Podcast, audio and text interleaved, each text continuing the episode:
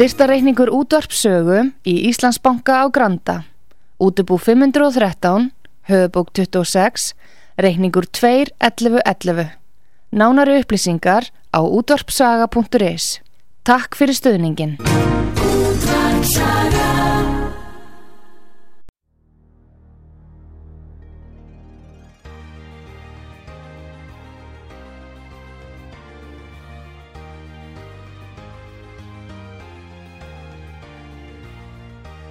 Heimsmálinn í umsjón Pétur Gunnlaugssonar. Fréttir og fréttatengt efni af Erlendum Vettvangi.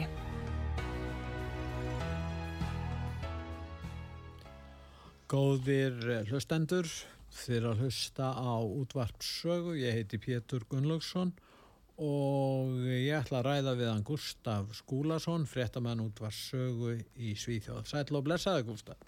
Og marg blessaði Pétur og útvarpssaga. Nú við byrjum í, í á Spáni, það stefnir í stjórnarkreppu í spænskum stjórnmálum eftir þessi úsliti gær. Já, þetta minnir mig mjög mikið á ástandi hérna 2018 í kostningunum með Svíþjóð þá. Þá, var, þá tók það yfir ár fyrir Svíþjóð. Hann var nú bæði kjörinn feldur sem fórsættisræður efni Stefán Löfven en svo kom hann tilbaka 2019 og þá kom hann inn. Það tók svo langan tíma. En mm. svona, þetta er svona svipuð pattstað að vísu eru var stór jók íhaldsflokkurinn, Partít og Popular við sig fylgi, bætti við sig 47 þingmannum. Uh, Sósaldemokrater, Sósaldemokraterflokkurinn Sósaldemokraterflokkurinn PSOE, þeir bætti við sig tveimur. Þannig að báðir formenn þessara flokka, þeir listu sig yfir sem sigurvera. En þar sem að Partít og Popular er bætti við svo miklu þá hefur konungurinn þegar Filippi Sjötti þegar falið Alberto Núez Feijó formanni flokksins að mynda nýja ríkistjórn og það er engin tíma sagt, takmörk samkvæmt lögum í, á spáni hversu langan tíma stjórnar myndunar viðræður eigarum mm. en hins vegar þegar þetta komið inn á þingið og þá fara að kjósa um hverju fórsættisráða þar að þingið samþykja þá er, er, er skart ástand því að þá má ekki, ef ekki verður komin þingið kemst ekki að samkómalagi um samþykja fórsættaefni fórsætta uh, hérna, ráðherraefni myndi ég fórsætta ráðherran að þá eru bara tveir mánuðir þeir hafa bara tvo mánu á sér að gera annars verður að efna til nýra kostnum. En Petro Sánchez verður, verður áfram uh, fósítisráð þegar starfandi þanga til, eða ekki? E, jú, jú, hann er starfandi, hann verður starfandi þanga til alveg hindi eins og var með Stefán Löfven hindi hérna síðan, hann verður starfandi þanga til að nýjir ríkistofnum komin og einhver tekur við á hún. En þetta er enn eitt dæmið í stjórnmálum hér á Vesturlandum að skoðanakannanir eh, hafa komið illa út úr eh, þessum kostningum. Eh, stjórnakannir spóðuðu að Vox-flokkurinn sem að tapaði 19 þingsætum fór úr held ég 50 pluss, fóru niður í 33 þingsæti. Hann tapar miklu þingi miklu, miklu, miklu hérna, uh, fylgi á þinginu. Og, og hérna og, og góðanakannir sögðu annað þannig að það virðist vera að, að gangi illa að halda í hérna halda í miðurstöða skoðanakanna Já, samræðum á milli kannana og, og síðan raunveruleikans þegar tala upp á kossunum sko. Þannig að það er, það er rétt og, en það má búast við eitthvað fylgjinu frá fólks eða Vox hafi farið yfir já, til íhalsflokksins sko. Já, það má búast við því sko. Já, því að það eru hérna 20 sko, samanteki hef, er hægri bylgi á spánu. Já. En samanteki. Já, við tökum, hún, já, við tökum þessi, þessi mikla, mikla kostingasigur uh, líðflokksins. Já, að vísu fær þarna, fær þarna súmar, þarna, kommunist, ég veit ekki hvað þeir eru sko á, á, á Heldur þeir sínu fylgið eða hvað? Já, þeir bættu vísi bara, þrjá, bættu vísi 31, þannig að vinstra... Já, þeir eru bara nýr flokkur sko, þinn flokkurinn sem hafði verið áður og náð þessu fylgi, hann lag, var lagður af og þessi kom í staðinn sko. Þannig ég veit ekki hvort þeir hafi bætt við sig Nei, heildatekina, nei, Nei. Það, var, nei það er kannski, kannski svoleiðis, ég náðu nú hefur ekki náðu að kynna mér það þannig, sko. En, en, en ég bara segi aftur, ég upplifi þetta sem, sem sko, svipa, svipa stöð og ríkti hérna 2018. Síðan náði, í síðustu kostningum hérna, þá náði náttúrulega með síþódemokrata og náðu þeir það miklu fylgi að það var hægt að mynda hægri stjórn hinn í síþó sko. En þetta er svipa sem er að skýja út um alla Európa eins og þú segir. Við erum með bara örstuttan hljóput bara til þess að heyra svona frá þeim því að þeir, þegar þeir voru að lýsa yfir sig, sigri báði tveir ég var að spila hann kannski já, já, hann gerði það Y, y mientras que el Partido Popular sube 47 escaños, el gobierno de coalición no ha ganado ni un escaño en relación con el resultado de las elecciones anteriores. España y todos sus ciudadanos que han votado han sido meridiana y rotundamente claros. El bloque involucionista de retroceso que planteaba una derogación total de todos los avances que hemos logrado durante estos últimos cuatro años ha fracasado. Já, sá síðari sem talaði hann var Petro Sánchez og hann náttúrulega sagði það að, að íhalsblokkinni hefði mistekist að vinda ofan á framförum eh, sagt eh, síðustu fjögur ára Já. því að þeir hefði þeir, þeir hefði ekki ná sigri. Og að samaskapi var hinn fyrirnefndi sem talaði það var eh, Feijó frá, frá Li- Liðflokknum. Já, líðflokkurinn heitir Já, Popular, já. já. og hérna, og hann sagði það að þeir hefðu unnið að- og, og hinn hefðu gerðu, tapað. sem þeir gerðu þeir unnu náttúrulega stór sigur, á já. en, en hérna, já, já, hann er hérna og, og en, en uh, hann uh, er mjög ánæði með þetta hérna, Petro uh, Sánchez við að þetta er varnarsigur fyrir sósjalista í áspáni í. Já, og, sko upprunalega það átti ekki að vera kostninga fyrir í haust sko, Já. en hann, hann lísti, gatt einhvern meginn, ég næði ekki alveg, hann bara gatt lísti yfir að, að hann flýtti kostningunum sko, tingiðu þá samþýtt En það er spurningin, það verða kostingar aftur þá innan hvað tvekja mánuð er það ekki? Já, þegar þetta kom inn á þingi, en það fyrir eftir hvað stjórnamyndunar viðræðna sko, sko ef að hann eh, hérna frá lífloknum hann kemur og það verður þeir ná ekki, fær ekki meiri hluta fyrir að verða fórseta Hann verður bara að ná í sjö þingmenn eða sex eða sjö og, og þá tekstunum hvort að hann tali við Baskana eða Katalóniska flokkin eða einhver, það er nú nokkri sjálfstæði þingmenn þarna held ég Þannig að sko þeir fá rosalega mikil völd núna að verða svona vógmestar afskilur á milli hægur og vinstri sko. Að það vill, Vox-flokkurinn ekki, hann vill ekki semja við Katalóníu, menn, alls ekki. Nei, það Þannig að það næri, þeir ná aldrei saman þar sko. Þetta er mjög svipað eins og þetta var hérna og maður þekki tóngangana alveg þarna milli hægri og vinstri blokkarina.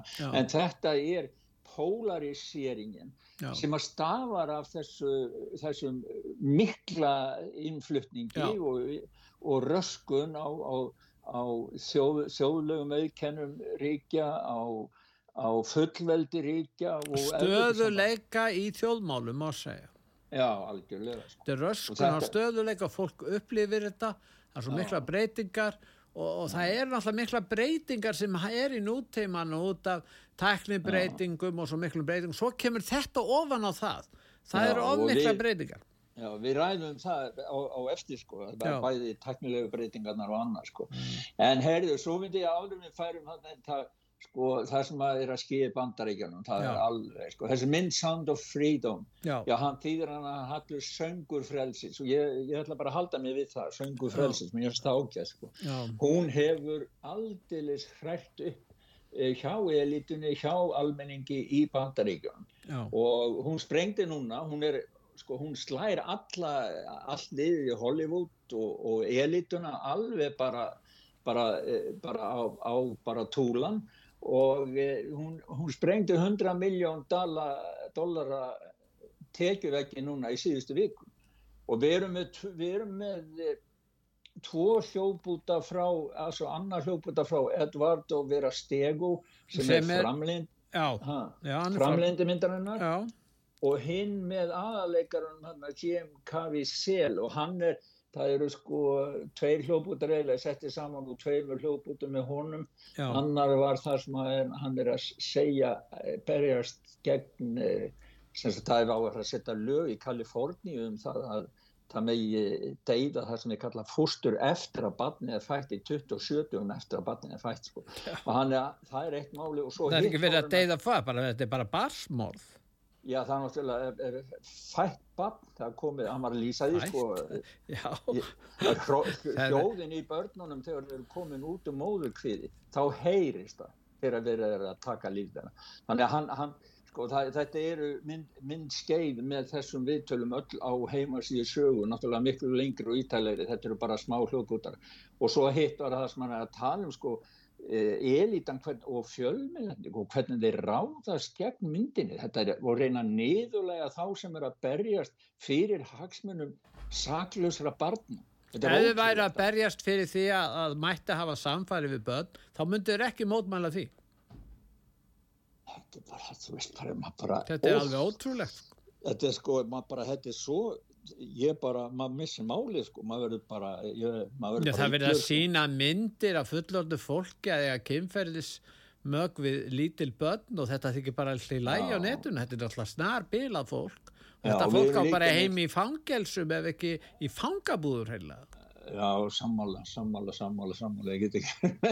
en það er, það er sko viðtal við líka með hljóð búdæmitt um það, það er að eh, samtök og aðrir eru að taka upp að Barack Obama hann skrifaði bref eh, til eh, barna, altså til bæði skóla yfirvalda, bókasafs yfirvalda og annað og er að fela sig á bakvið sem sagt frumbyggja, lita fólk og svo hins einn fólk og svoleiðis og það eru samtök í bandaríkun sem berjast gegn, gegn því sem að eru tilheyra því, þe þe- þeim hópum en eigum við hérna Við skulum hlusta á þá hérna, Já, framleiðanda Sound of um, Freedom og leikaran, aðaleikaran já, You've been at this for 12 years. My country, 'tis of thee. Why are you doing it? Because God's children are not for sale. We spent eight years of our lives in putting this movie together and i never imagined especially when you finished the film uh, almost three years ago and then you were knocking doors everywhere and all the experts in hollywood told us that this is not a good film for them that nobody will go and see this film to happen for this film angel studios rescue this film and because of then millions of people are seeing this film in these 10 days more than 5 million people show up in theaters and I, I, I can't believe that this is happening. This is like I feel like I'm dreaming. Uh, this is the American dream. I'm hugging the American dream right now. I'm, I am very grateful to this nation for opening the door to my dreams. This film is more than a movie. It's a movement, and it's growing, and no one can stop it. It's too late. No one can stop it. This is the people's movie. Liberal media, who they don't care about children, they don't care about saving children, they don't care about anything. They care about themselves, and perhaps maybe some of them. I, I don't know. I don't have the evidence. But it's really weird, it's suspicious that someone doesn't want this film to be seen by many. A film that is designed to save children, and, and they're blocking. Maybe they're involved in the crime. Maybe uh, maybe they are the pedophiles. Maybe this is the guys who are hurting these children. The guys would come up, traffickers, and they would right in front of us ask us if they want we wanted ninas or ninos and uh, little little boys or little girls. And people think that that's not something that happens here in the United States. Well, absolutely, it does. Uh, over 300,000 children under the ages of 18 were sucked into the deepest recesses of hell, and it's disgusting that the media uh, hasn't covered it like they should. And I think people need to understand. American people are starting to understand what is actually going on and are sick and tired of it, especially with know- the south border. Children are the most innocent of humans, most innocent. They're holy. They have an effect on you. It can change you and wounds God to the deepest core to kill those unborn babies. But now they kill them when they're born, don't they? In, in New York, they kill them. In Virginia, they kill them. And here in California, they want to pass a law 27 days, mind you, 27 days after that baby's born, they can kill it. And they've always said, well, for, just in case it's for the mother, right? So, how does killing a baby 14 days outside the womb save the mother's life? Answer that question. It's absolutely ridiculous.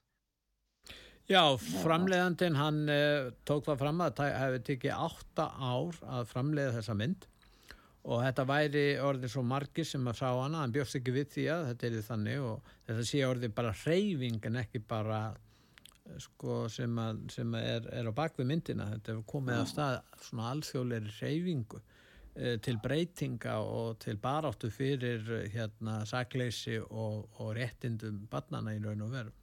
Já. Það er sko, þegar maður fer að hugsa út þetta, sko, þeir eru með svo miklar upplýsingar og sem að bara, bara, hvorki bandar ekki að menn, ég bara almenningun eða stærri heiminu gerir sér grein fyrir. Og svo þegar að þeir eru núna, þeir eru allir tinni eins og hann þarna aðaleikarin í, sko, þeir eru viðbúnir og taka stríði gegn fjölmiðlunum og gegn þeim sem er að reyna að rústa eða, eða tala illa um eða komast á róburð eða sögursögnum bara til þess að eiðilegja mannor þeirra sem stóða myndinni. Og kjarnaspurningin í því er alltaf hver valið á milli þess annars vegar að standa með saklusu barni sem, að, sem að hefur ekkert í þessum heimi nema þá sem eru fullornir, móðir og föður ef, ef að það er til staðar til þess að treysta og það er að stað, annarkort stendum að með, með, með barninu í þessari baróttu gegn þessum e, glæbamönnum, barnanýðingum eða að stendum með hinn. Það er ekkert þarna milli. Sko. En í nútímanu þá er náttúrulega unni gegn hagsmunni fjölskyldunar og fjölskyldan sem stopnun er eldri en ríkisvaldið. Fjölskyldan er algjör grundvallar eining og þegar þú eigðir því og það, þegar að vendin sem barnin, barnin hlýtur frá foreldrum hverfur að mingar þá sjáum við smán saman það ástand sem er verið að lýsa meðal annars í þessari mynd. Já, þetta er alveg rétt sko og kristindómurinn og kristingildi e, lýsa upp og eru sko leiðari ljós þeirra sem störðu við myndina, mm. það kemur mjög fram í öllum viðtunni í háum og svo líka e, grunduðunum fyrir baráttunni, fyrir bara réttlæti og... og það er einhverju búið að snúa öllu siðferða á haus í raun og veru. Já. Þannig að það er alveg sama hvað það er ef menn er að berjast fyrir því sem er rétt og satt og, og fagurt þá er ráðist á þá þegar menn er vilja meiri eitulvíanislu og badnanýð og annað slíkt þá er svona talað um þá, já þeir séu svona já þetta er framfara sinna fólk sko, skilur þú, þetta er alveg svo galið. já, þetta er alveg svo galið. Og þessar árásir á kristnin það versta finnst mér þó í sambandi við kristina er að þegar að kristnar kirkjudeldir eru farnar að afsaka sig þeir eru farnar að flýja þeir eru farnar að segja já við erum nú kannski svona jafnvel prestar segjast ekki trú á Guð og, og hérna og, og koma með alls konar fullirðingar sem að fylgja árásunum á Kristina ég meina þegar þeir konin í þá stöðu þá náttúrulega stendur Kristin mjög illa vigi þegar að þeir sem eiga verja og hlýfa eru komnir í, í þá stöðu að, að ráðast að grungildunum sjálfur gera, vilja ekki verja það minnskosti Já, og ég held að einn aðeins maður í kirkjunar, hvort það var ekki Pávina sem sagði það að það var í guðlast en maður vildi ekki trúa á, á hérna Múhammed sko. ég, það var eitthvað í þeim stíl allavega. Já, já, og, já. og, það er svolítið þessi Pávi að við getum kannski talað um að það og eins og katholikar uh, og hátt settir innan kirkjuna gaggrind Pávan sem er náttúrulega mjög uh, hérna, sem er alveg nýtt vegna þess að Pávin átti nú að vera óskeigullir það ekki það var nú einu sinu hugsað þannig en hérna en svo, svo, svo sko ég aftur til svo sér maður annað eins og við skiljið í Pólandi núna nýla, nýlega sko, að fólk og það er kannski það sem eftir, maður eftir að sjá aukast í að það er svo mikið bæði hjá arfum og, og auka fólki sem hefur flust sem er líta bara á konur og börn megi, megi bara ráðast á börn og kynferðislega og allt. Það var gert í Pólandi og þá réðst múgurinn, lögurinn átti fullt í valdi í fangi sem sagt því að múgurinn réðst bara æstu mannföldin og allaði bara ganga af einhverjum mönnum þarna, fjóri georgíski kartmenn eh, samkvæmt upplýsingum frá Pólandi þeir réðust unga stúlkur aldrei mellum til 13 ára. En, en, en æstu mannföldin allaði bara ganga frá þeim og, og það var, töl, var tölvert lögurinn var það hafa sér alla frammi til þess að koma um undan sko. Já og síðan eru við með þarna við tala hljóðbúð með Megan Kelly sem er nú þekkt fjölmiðlakona og hún Já. er að fjalla um það að Barack Obama, Obama hafi haldið uppi vörnum fyrir barnaklámi í barnaskólum. Ef að heyra það? Já, gerum það. And it's really ridiculous on its face to say that it is somehow illegitimate for parents and public school administrators and public school boards who are elected in a democratic process are not allowed to restrict pornography in a kindergarten classroom. It's absolutely disgusting. I mean, I'm just looking at Genderqueer right here, which is the book that, quote, gets banned. Um, it's not a ban, it's a removal from an inappropriate spot for young children. And it's absolutely, it's filthy. It's filthy. It's got erotic scenes of men having sex, illustrations of minors performing oral sex, a drawing of a man masturbating a young boy's penis. This is disgusting. And it's why Gays Against Groomers, we just had them on the other day, they put out a statement in response to Barack Obama's saying these books are not LGBTQ. They are pornographic filth being pushed on children using our community as a shield and a scapegoat to do so. Shameful that you have come out in support of them, but we're not surprised. It's just absolutely alarming that somebody like the President of the United States, former, would feel the need to defend this. Já, hún er að tala um það að hérna að það eru bækur í barnaskólum, í grunnskólum í bandaríkjanum sem er ekkert annað en reynd og klátt barnaklám og ba Obama var svona í skín að hér værum að ræða eh, hérna eh, sko upplýsingar frá eh, já, frá hérna samkynniðum samtökum þeirra og annað. Þannig að hún var nú að segja það hún Megan Kelly að sko það væri ekki þetta væri ekkert á vegum samtaka samtakana hérna uh, Já, þessari- sam, sam, já, það Já. væri ekki þaðan en, en þetta væri sko eins og hún listi þessu hvað væri sínt í þessum bókum þetta er bara verið að misnota börn verið að sína það og þetta er ekkert annað en barnaklám sem er í raun og verið refsivert aðtæfi og ætti Já. að vera það minnst er refsivert á Íslandi ennþá formlega Já, alveg og, og hérna og þarna, sko, hún var að tala við mann sem heitir eh, Chris Rufo Já. og hann er þekktu fyrir það að vera mjög harður í, í baróttu gegn barnanýði, barnaklám og allt þetta.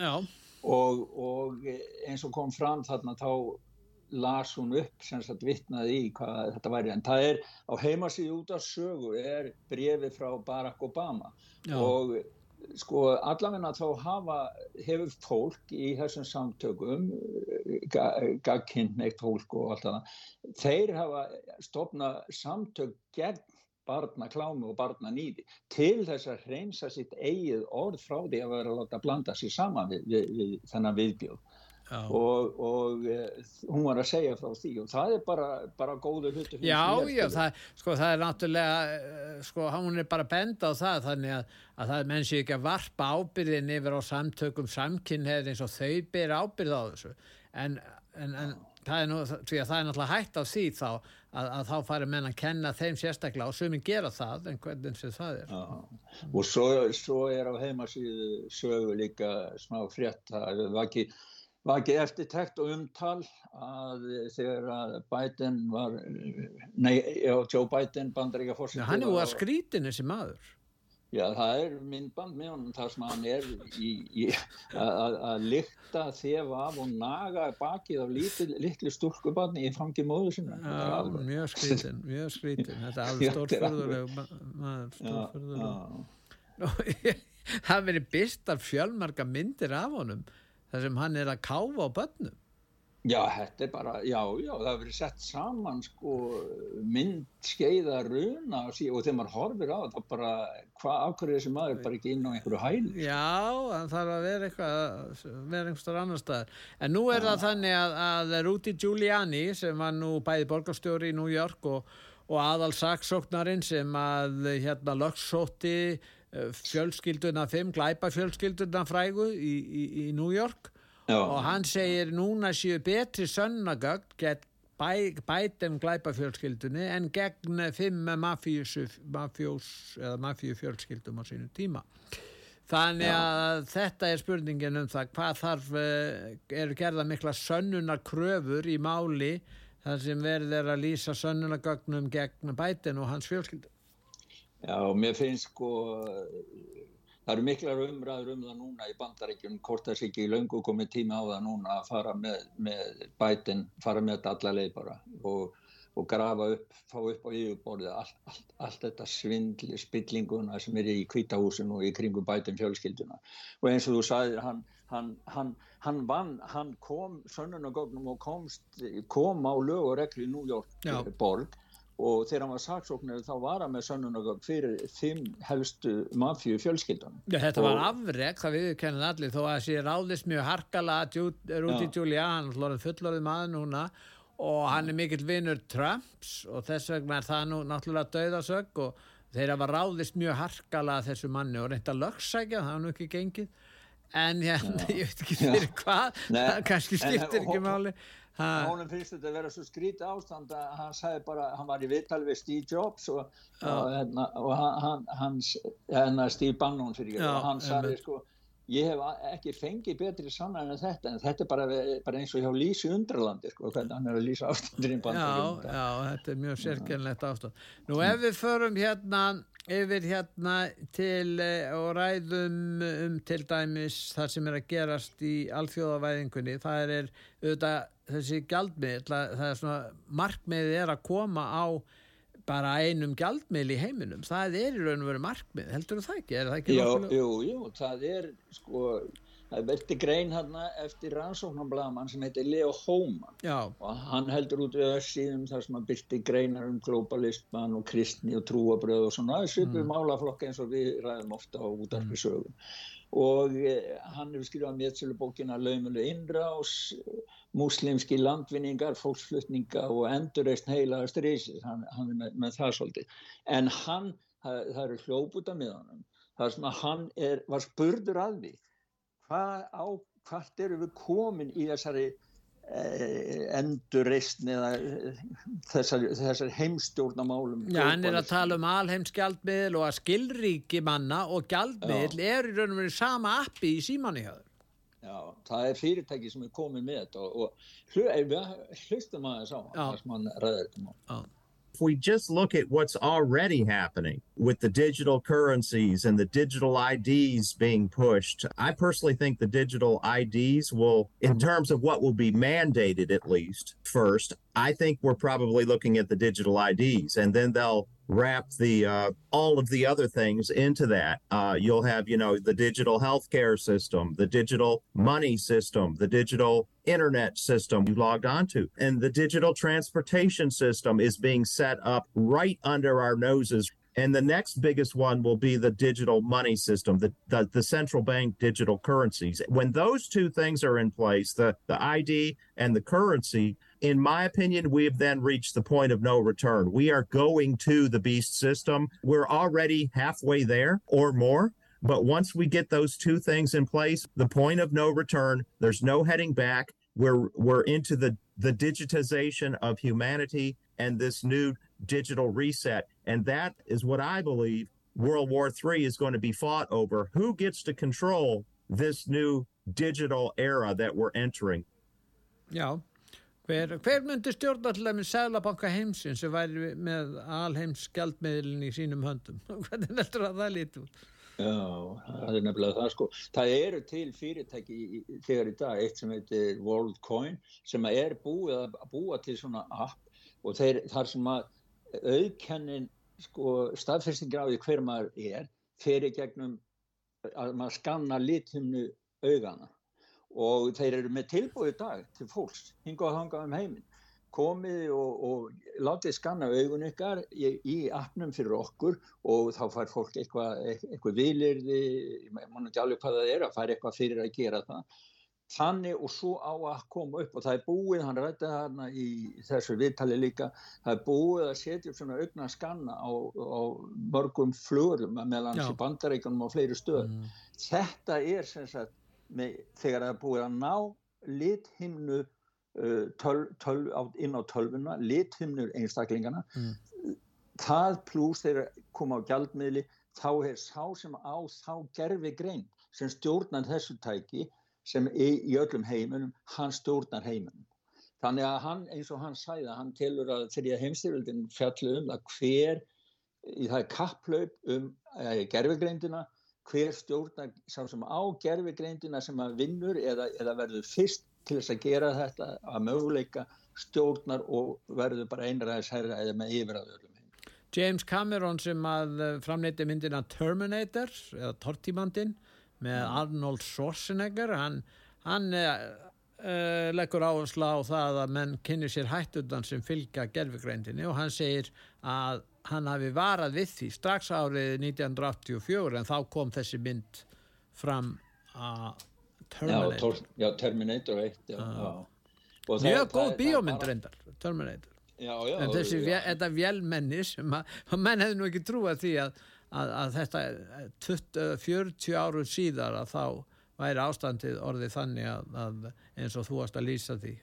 Já, og með þess að Kína þeir eru svo þeir kópiður nafni Skynet. Þeirra gerfigreind heitir Skynet en- eins og, eins og eh, slæma gerfigreindin í framtíðinu hafa heita samkvæmt þessum myndum þannig að hann, hann, hann segir ég var eitthvað við 84 þetta, vegna þess að þar fjallar myndina hans fjallum það að vélmenni eru send sko vélmenni eru stríð við vélmenni og það er gerfigreind sem er að berjast í aðra gerfigreind þannig að þetta er, þetta, sko, þetta er orðið voðalega svona En er líka að vísindaskáldsögu. nota þetta í stjórnmálum. Það er til dæmis hægt að auðlýsa það að það er hægt að, að koma að anstæðingurinn ljúa því upp á anstæðingin að hann fylgja ákveðinu stefnu og síðan er gerfigreindar rödd notuð í áróðsherferð.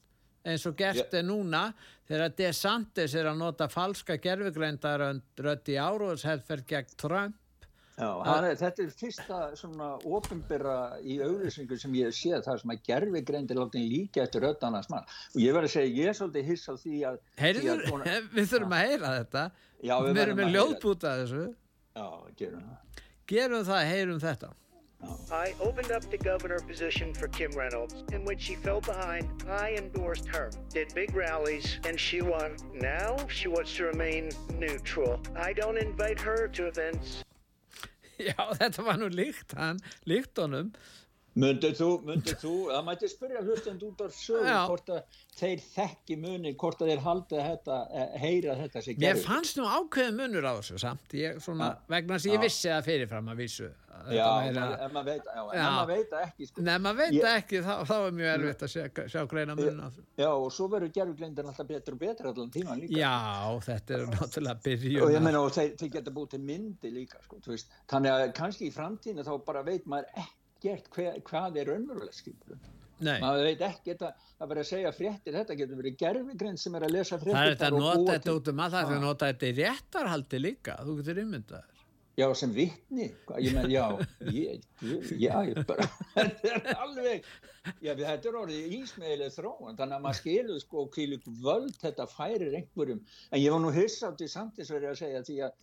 Það, það vantar ekki að hægt- af þessu eldur Já, hann að hann- beð, spurður að því hefur megum við Ron megum við svona atarsvoldi í honum Trump hérna. Já, þetta var eitt styrta, stærsti styrta sem að borga þessu auðlýsingu þannig að ég veit ekki, ég get ekki svarað sko, það það- sko. en þetta hefur, er allar verið nota og maður getur ímynd þessi, sko, það er alltaf verið að breyta núna við, við höfum að fjölskylduna, kristendómin allt saman að taka völd fólki já. og, og, og gerfigreindina og svo núna var, var Disney sem er algjörlega búin að missa allt niður, allt, allt niður sko. þeir eru vola gagnýtti núna því það lág út myndir þar sem þeir eru bara er að breyta mjallkvít sko. og það er bara eitt dvergur af sjö hinnir eru einhver Já, en, og- þetta, en, en þú veist að vel að það er ekki svo stefna að í leikúsum og bíómyndum ef verður að sína fatlað fólk þá að fatlaður einstaklingur að leika le hérna, og vera leikarinn í því tilfelli. Og líka þegar að verður að, að hérna, sína í leikriti já, samkynneða personu þá á samkynneð manneskja að leika þann.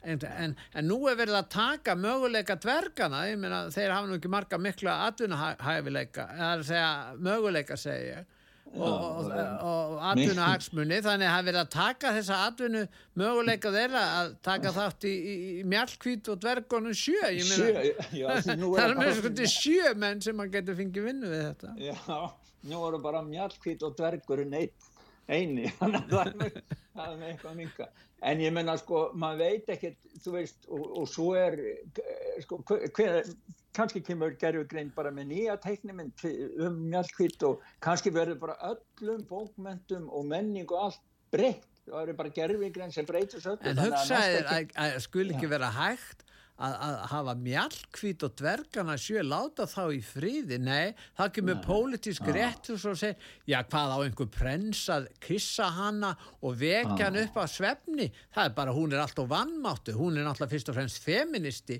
Vill leika prins, hún bara sér fyrir sér sjálf. Já, og svo, svo hérna, já, og þetta er alveg, og, og þessi gerfugreind og annan, en Kamala Harris já varahorsti bandaríkjana, hún gerði hljóp nú aldilis á sig, því hún sæði bara í ræðundaginn beint að það ætti bara að reduce population, bara minka, minka mannfjöldan, Já. svo að kvítahús að koma eftir og reyna afsakana það er alltaf að koma svona fram að, að, að það fyrir að glitta í sko gríman er að fara að flosna af Já, globalistum hún vil fækka íbúum í þessari ræði ef maður reyra brotu af ræðunni. Já, já When we invest in clean energy and electric vehicles and reduce population, more of our children can breathe clean air and drink clean water. and reduce population, more of our children can breathe clean air Já, reduce population eða minka hérna, fólksfjölgun og, og fólksfjöldan og, og, og þá geti fleiri sko notið, notið þess að, að anda fara- þessi hreinu lofti Já, og drukki hreint drukki vatn ég meina, sko, ég meina hvað og svo hví, þetta fólk er orðið svo sko, ég veit ekki á maður að fara að efast um eigin, eigin domgreind og heilbrið, ég meina hvíta húsi núna það er að byrta borgar miljónur ábyggjala til, til að láta búið til skýslum það hvernig megi draga fyrir sólina Já, Og það er að stýra því svolítið hmm. Já, það er að búa til einhverja risa úðabrúsa og úða bara einhverju efst á loftleið til, til þess að sólinn endur speiklist og svo er það að tala um einhver hvít sjávarski. Ég menna, þetta er, þetta er bara eins og maður sé bara, En það er að verða ákveðna breytingar þannig er til dæmis eitt þingmaður eh, hérna sem að Elsa Witting hún er að, ég myndi að segja það sem þingmaður og er óhrætt við að segja það í Svíþjóð að, að lofslagskreppan byggist ekki á vísundum, hún er pólitísk var hún ekki í Svíþjóðademokratum þessi? jú, jú, hún var í síðjóðdemokratum, en svo Já. og eitthvað, þannig henn- henni fannst best að vera bara utan. Já. Hún var að tala í svepp-tv hérna, svona það eru sumar, að því það er sumar, frí og svona, þá eru með eitt sem talar alltaf. Síðan er það allir með sannska ríkisfyrirtækið Vattenfall sem er hætt við vindorku framkvæmdir vegna þess að það er bara tap á þessu, það þarf að greiða með þessu, bæði verðbólgun og herri fjármáskostnaðurinn hefur minkað möguleikan á því að vera í þessari framkvæmd sem er mjög dýr, það er mjög dýrt að fara út í þessar framkvæmdir og eru kannski þeir uppi staðið ekkit svo hérna Nei, nei, nei, það eru ekki darbara sko. Já, það sem er ekkert- umhverfisvæn. Það er ekkert gengið með, með, með gróða eða hagna sem ég veit um þannig skilur. Eh, nema kannski einhver bara örlítil en ekkert af þessum stóru. Þetta var, þáttaka í verkefni við strendur Bretlands alveg risastórt verkefni sem þeir eru bara að fara úr og þeir tapa freka 2,8 miljónum sænskar króna heldur en að e, e, bara við það að losa sig úr þessu heldur en að þurfa þurfa að taka á móti tapina sem er margkvælt meira ef þeir eru haldið áfram. Við ætlum að fara núna í Ölsingar en þið er að hlusta á útvarpssögu og ég heiti Pétur Gunnlaugsson og ég er að ræða við hann Gustaf Skúlason, okkar mann í Svíþjóð. Og við hlýðum á Ölsingar núna og eftir Ölsingar hlýð þá förum við að ræða um Evrópu sérstaklega, Evrópu er á krossgötum og ástandi í Svíþjóð. En nú skulum við hlýða á Ölsingar.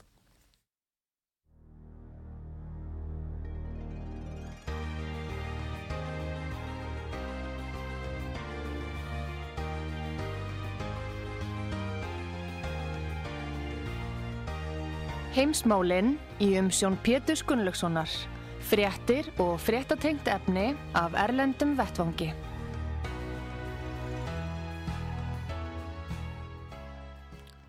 Góðir uh, hlustendur, þeir að hlusta á útvarpssögu, ég heiti Pétur Gunnlaugsson og ég er að ræða við hann Gustaf Skúlason í Svíþjóð. Nú Gustaf, uh, það er, uh, Evrópusambandið er að, rækt, að taka ræktaland eignarnámi núna. Þe- við þekkjum málið, þessi vandamál sem að tengjast Hollandi og núna Írlandi líka, þetta eru þróu ríki, bæði á sviði landbúnar og öðrum sviðum, þannig að ég, margir eru hissa á því að almenningur skuli láta þetta viðgangast í þessum þróuðu ríkjum, en uh, vartindan virðast ekki vera miklar. Nei, því miður, því miður, því miður. Og sérstaklega henni í Svíþjóð, það eru margir að kvenka sér undan því henni í Svíþjóð, vegna þess að Svíþjóð reknar, þetta, þetta reknar út sko starf landsvæna, þeir segja, hafa samþitt lög og ætla að vinna að endur heimtingu náttúrunar að það er verið viss prósenta sem á að vera náttúra og, og, og allt það.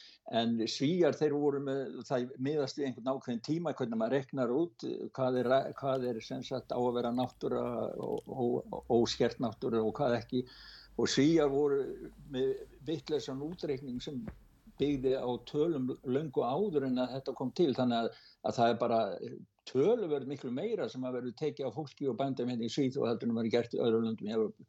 Og hann, ska, hann rætti þetta króatíski þingmaður Miroslav Kolkusik Já. í Evrópuþinginu nýlega og hann bara byrja þetta að segja þetta sé bara hreitt kommunismi og hann segja að þetta náttúrulega hljóma voðalega vel endurheimting náttúrunnar en e, það væri betra að kalla þetta lög um matarskort fyrir meðborgara Evrópusambansins og svo segir hann það að í gamla kommunismanum að þá hefði nú verið lögum svona upptöku enga egna og, og, og, og lands verið kölluð upptöku lögin, maður sæði bara hreint úr hvað maður væri að gera.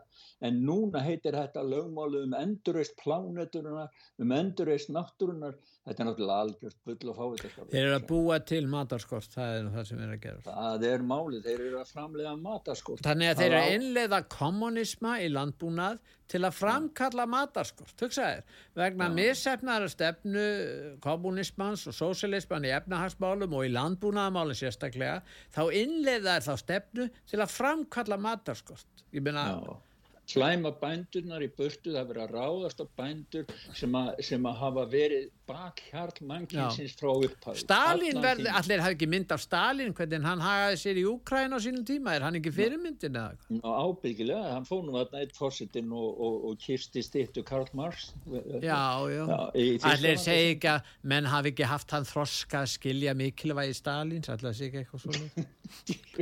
Þetta, í hvers konar heimi lifir við orðið maður, bara það er, þetta er allt orðið svo öfu snúist. En það var nú ein, ein góð frétt hérna því að það er Já, verið að setja löggjöf, hún er undirbúningi til að koma í veg fyrir að bankarnir getur offsótt viðskiptavinnina eins og þau gerðu gagvart Nigel Farage. Ég verð Já, nú að segja, brest stjórnvöld, ég veit ekki hvort þeir komið þessi gegn, en þeir lofa því að, að undirbúa núna löggjöf til að koma í veg fyrir einhver banki getur bara að loka reikningi hjá manni vegna þess að maður hefur skoðanir sem fari í töðan á bankastjórunum. Þetta er náttúrulega ekki hægt. Já, bara pólitískar, Já, já, alls konar bara þeir eru að reyna að framfylgja þessu ESG sko, Environment Social og það er sósialega bitin sko, það kemst maður, getur maður að fara framkvæmt rít sko. Nei, en, en ég segi, ég er hissa, en ég trúi þessu þegar ég sé að þetta komið í gegn, þá skal ég trúa þessu. Já, en hérna, nú það er verið að tala um það er einn í- í Þískalandi, nú, nú menn veit ekki hvernig er að taka móti þessu með að taka uh, berjast við þennan flokk alternatív fyrir Deutschland, hann hefur uh, sko auki fylgi sitt verulega og stefnir að því að verða næstæsti flokkurinn í, í landinu og uh, þá er einhver með hugmyndur um að afnema hælisréttinda einstaklingsins, ég skil ekki alveg hvað vill Nei, nei, já, ég get útskýrt þetta sko, því að sko, þetta er svipað eins og við vorum að ræða á það, þessi polariseringi sem er í Evrópu, millega hægri og vinstri. Sko, þe þeir eru svo, elitan í Þískalandi, þeir Já. eru svo hrættu við alternatív, eða valkost Þískalands og þetta er svona útspil frá Eh, þetta er bara politist útspil frá kristilnum demokratum og tíska samkvæmstinginu að segja svona því að, því að þeir ætla að reyna að ná fylgi frá alternatíf fyrir Deutschland með því að þykjast að vera að berjast um Já, fólksins já, já, já. Já. Þannig að þe- þe- þetta er svona dæmi um sko eh, bara tilrunni þeirra til þess að- koma í vinna gegn hinnum sko. En, það- en hann, þeir megin ekki neitt með þessu því að þeir ætla að koma þessum ákvörnur rétti frá einstaklingum yfir á stofnanir og hvaða stofnanir? Jú, það er Európusamband.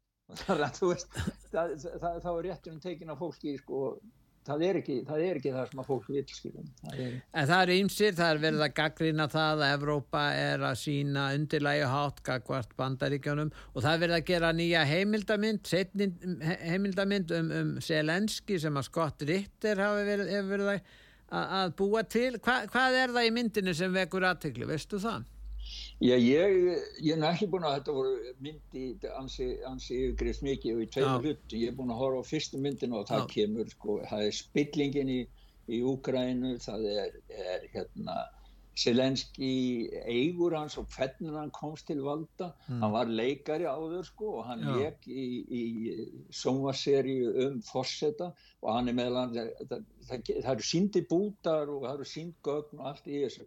Þetta er mjög trúverðu mynd og allir sem að hafa áhuga á þessum málum að kynna sér hvað er raunverulega að gera skýja í Úkrænu þeir ætti ætti að kíkja á þessar myndir. Já, hún heitir Agent eða Agent eh, Selenski en, Já. en nú er það þannig að vantar svona fríðarhöfðingi að vantar fólk og stjórnmálamenn sem berjast fyrir því að að koma frið eins og, eins og Orban segir, Vesturlönd vilja ekki frið í, í Úkrænu, nú Robert Kennedy Jr. hann er að fjalla um það að þurfa að berjast fyrir því að, að bandaríkjamenn hérna verði svona fyrst og fremst siðferðilegt uh, stórveldi en ekki þetta hernaður og stórveldi sem er að leika hlutverk lörglunar og hefur skadað ímynd bandaríkjana verulega og það er með, við tökum bara Vietnam stríðið og allt það rugg sem tengdist Lyndon B. Johnson sem var nú svona stórfurðulegu náingi og er að koma í ljós að var gjörspiltur stjórnmálamæður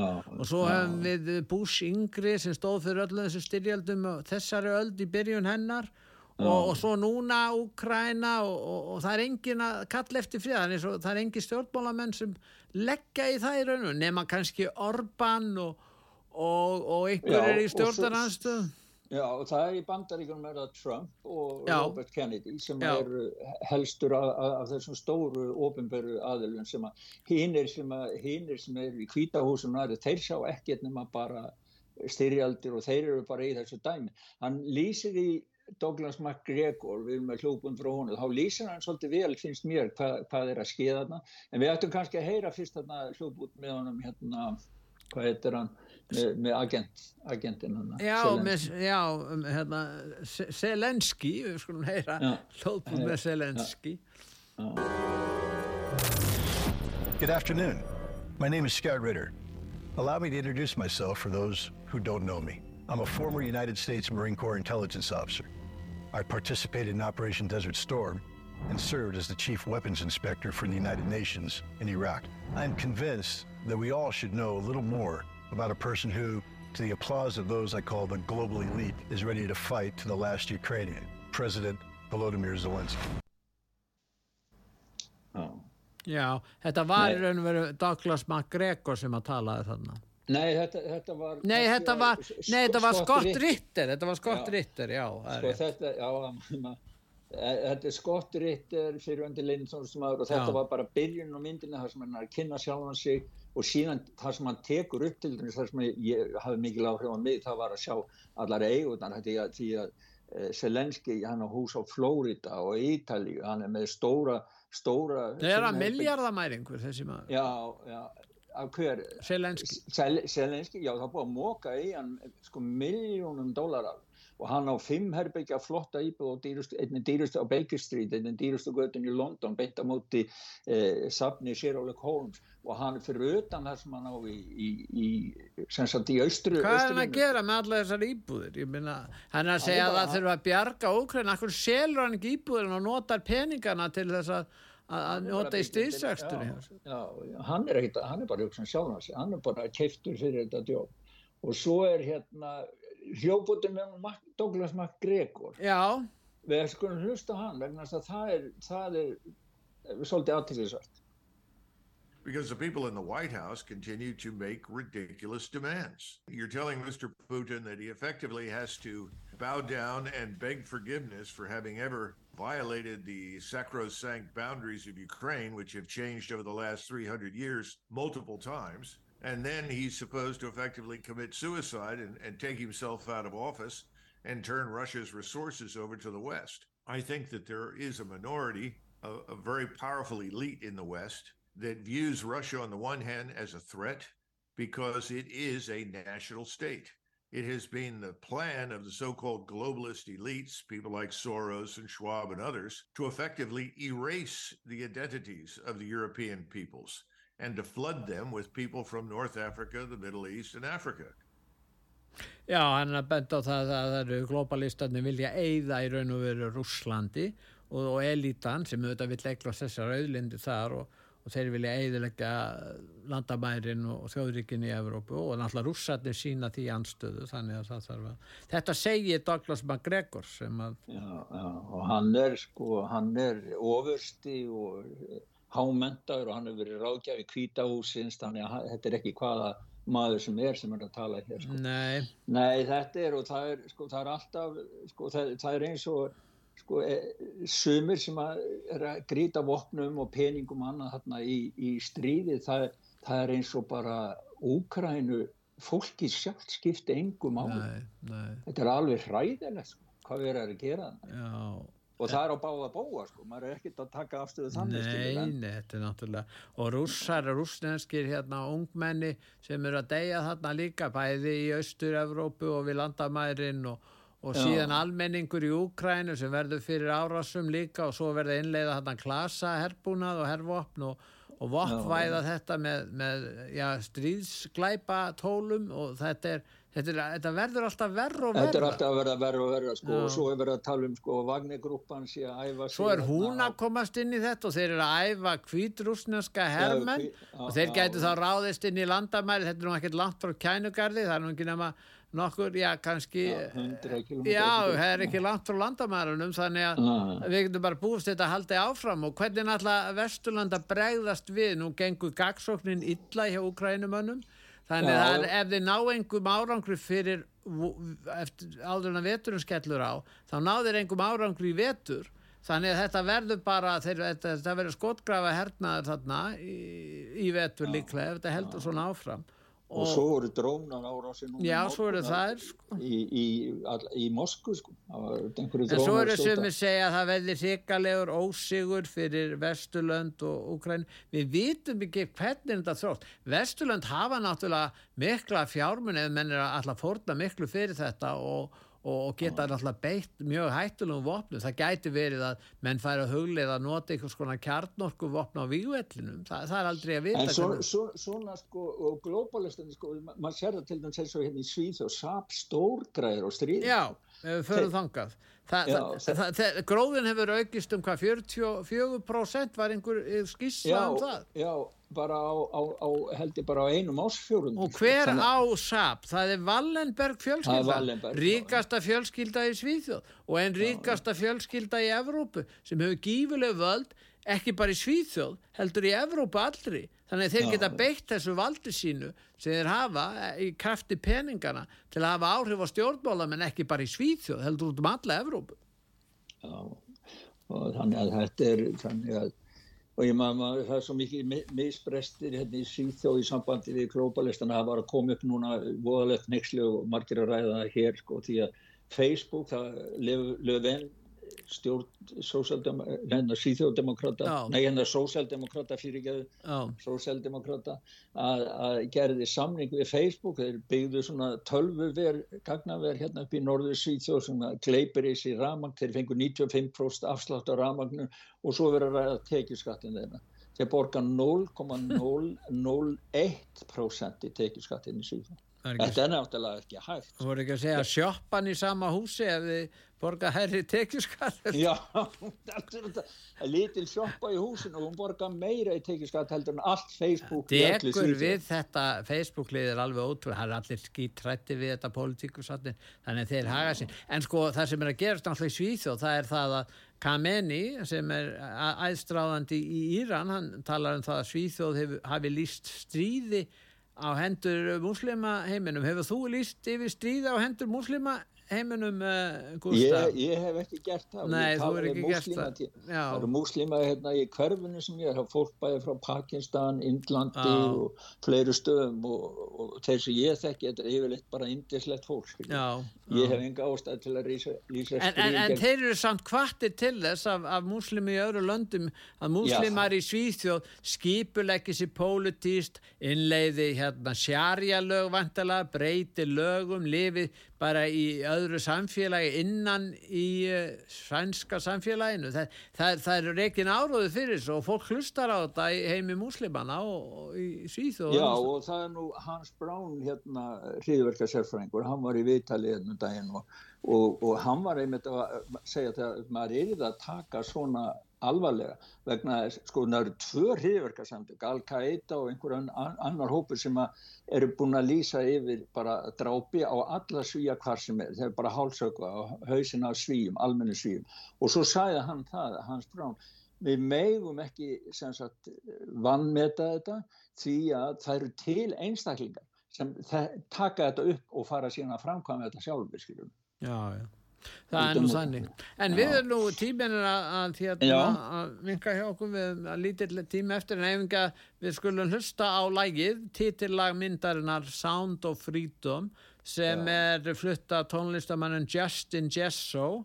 Og uh, við skulum heyra þetta lag. Þetta lag hérna er í þessari mynd sem að vonandi við fáum að sjá hér á Íslandi og þið í Svíþjóð ég veit ekki hvort að það, það verði gangi Já, herfilega það lítur að koma, sko. það lítur að koma. Ég trú ekki að öðru. Einmitt. En Já. ég þakka þið fyrir Gustaf og, Já, þakka þér fyrir sömulegis, Pétur, og, og góð kveðja til hlustenda út af sögu. já, og ég þakka hlustendum út að sögu fyrir að hlusta en hlustu núna á titila myndarinnar Sound of Freedom.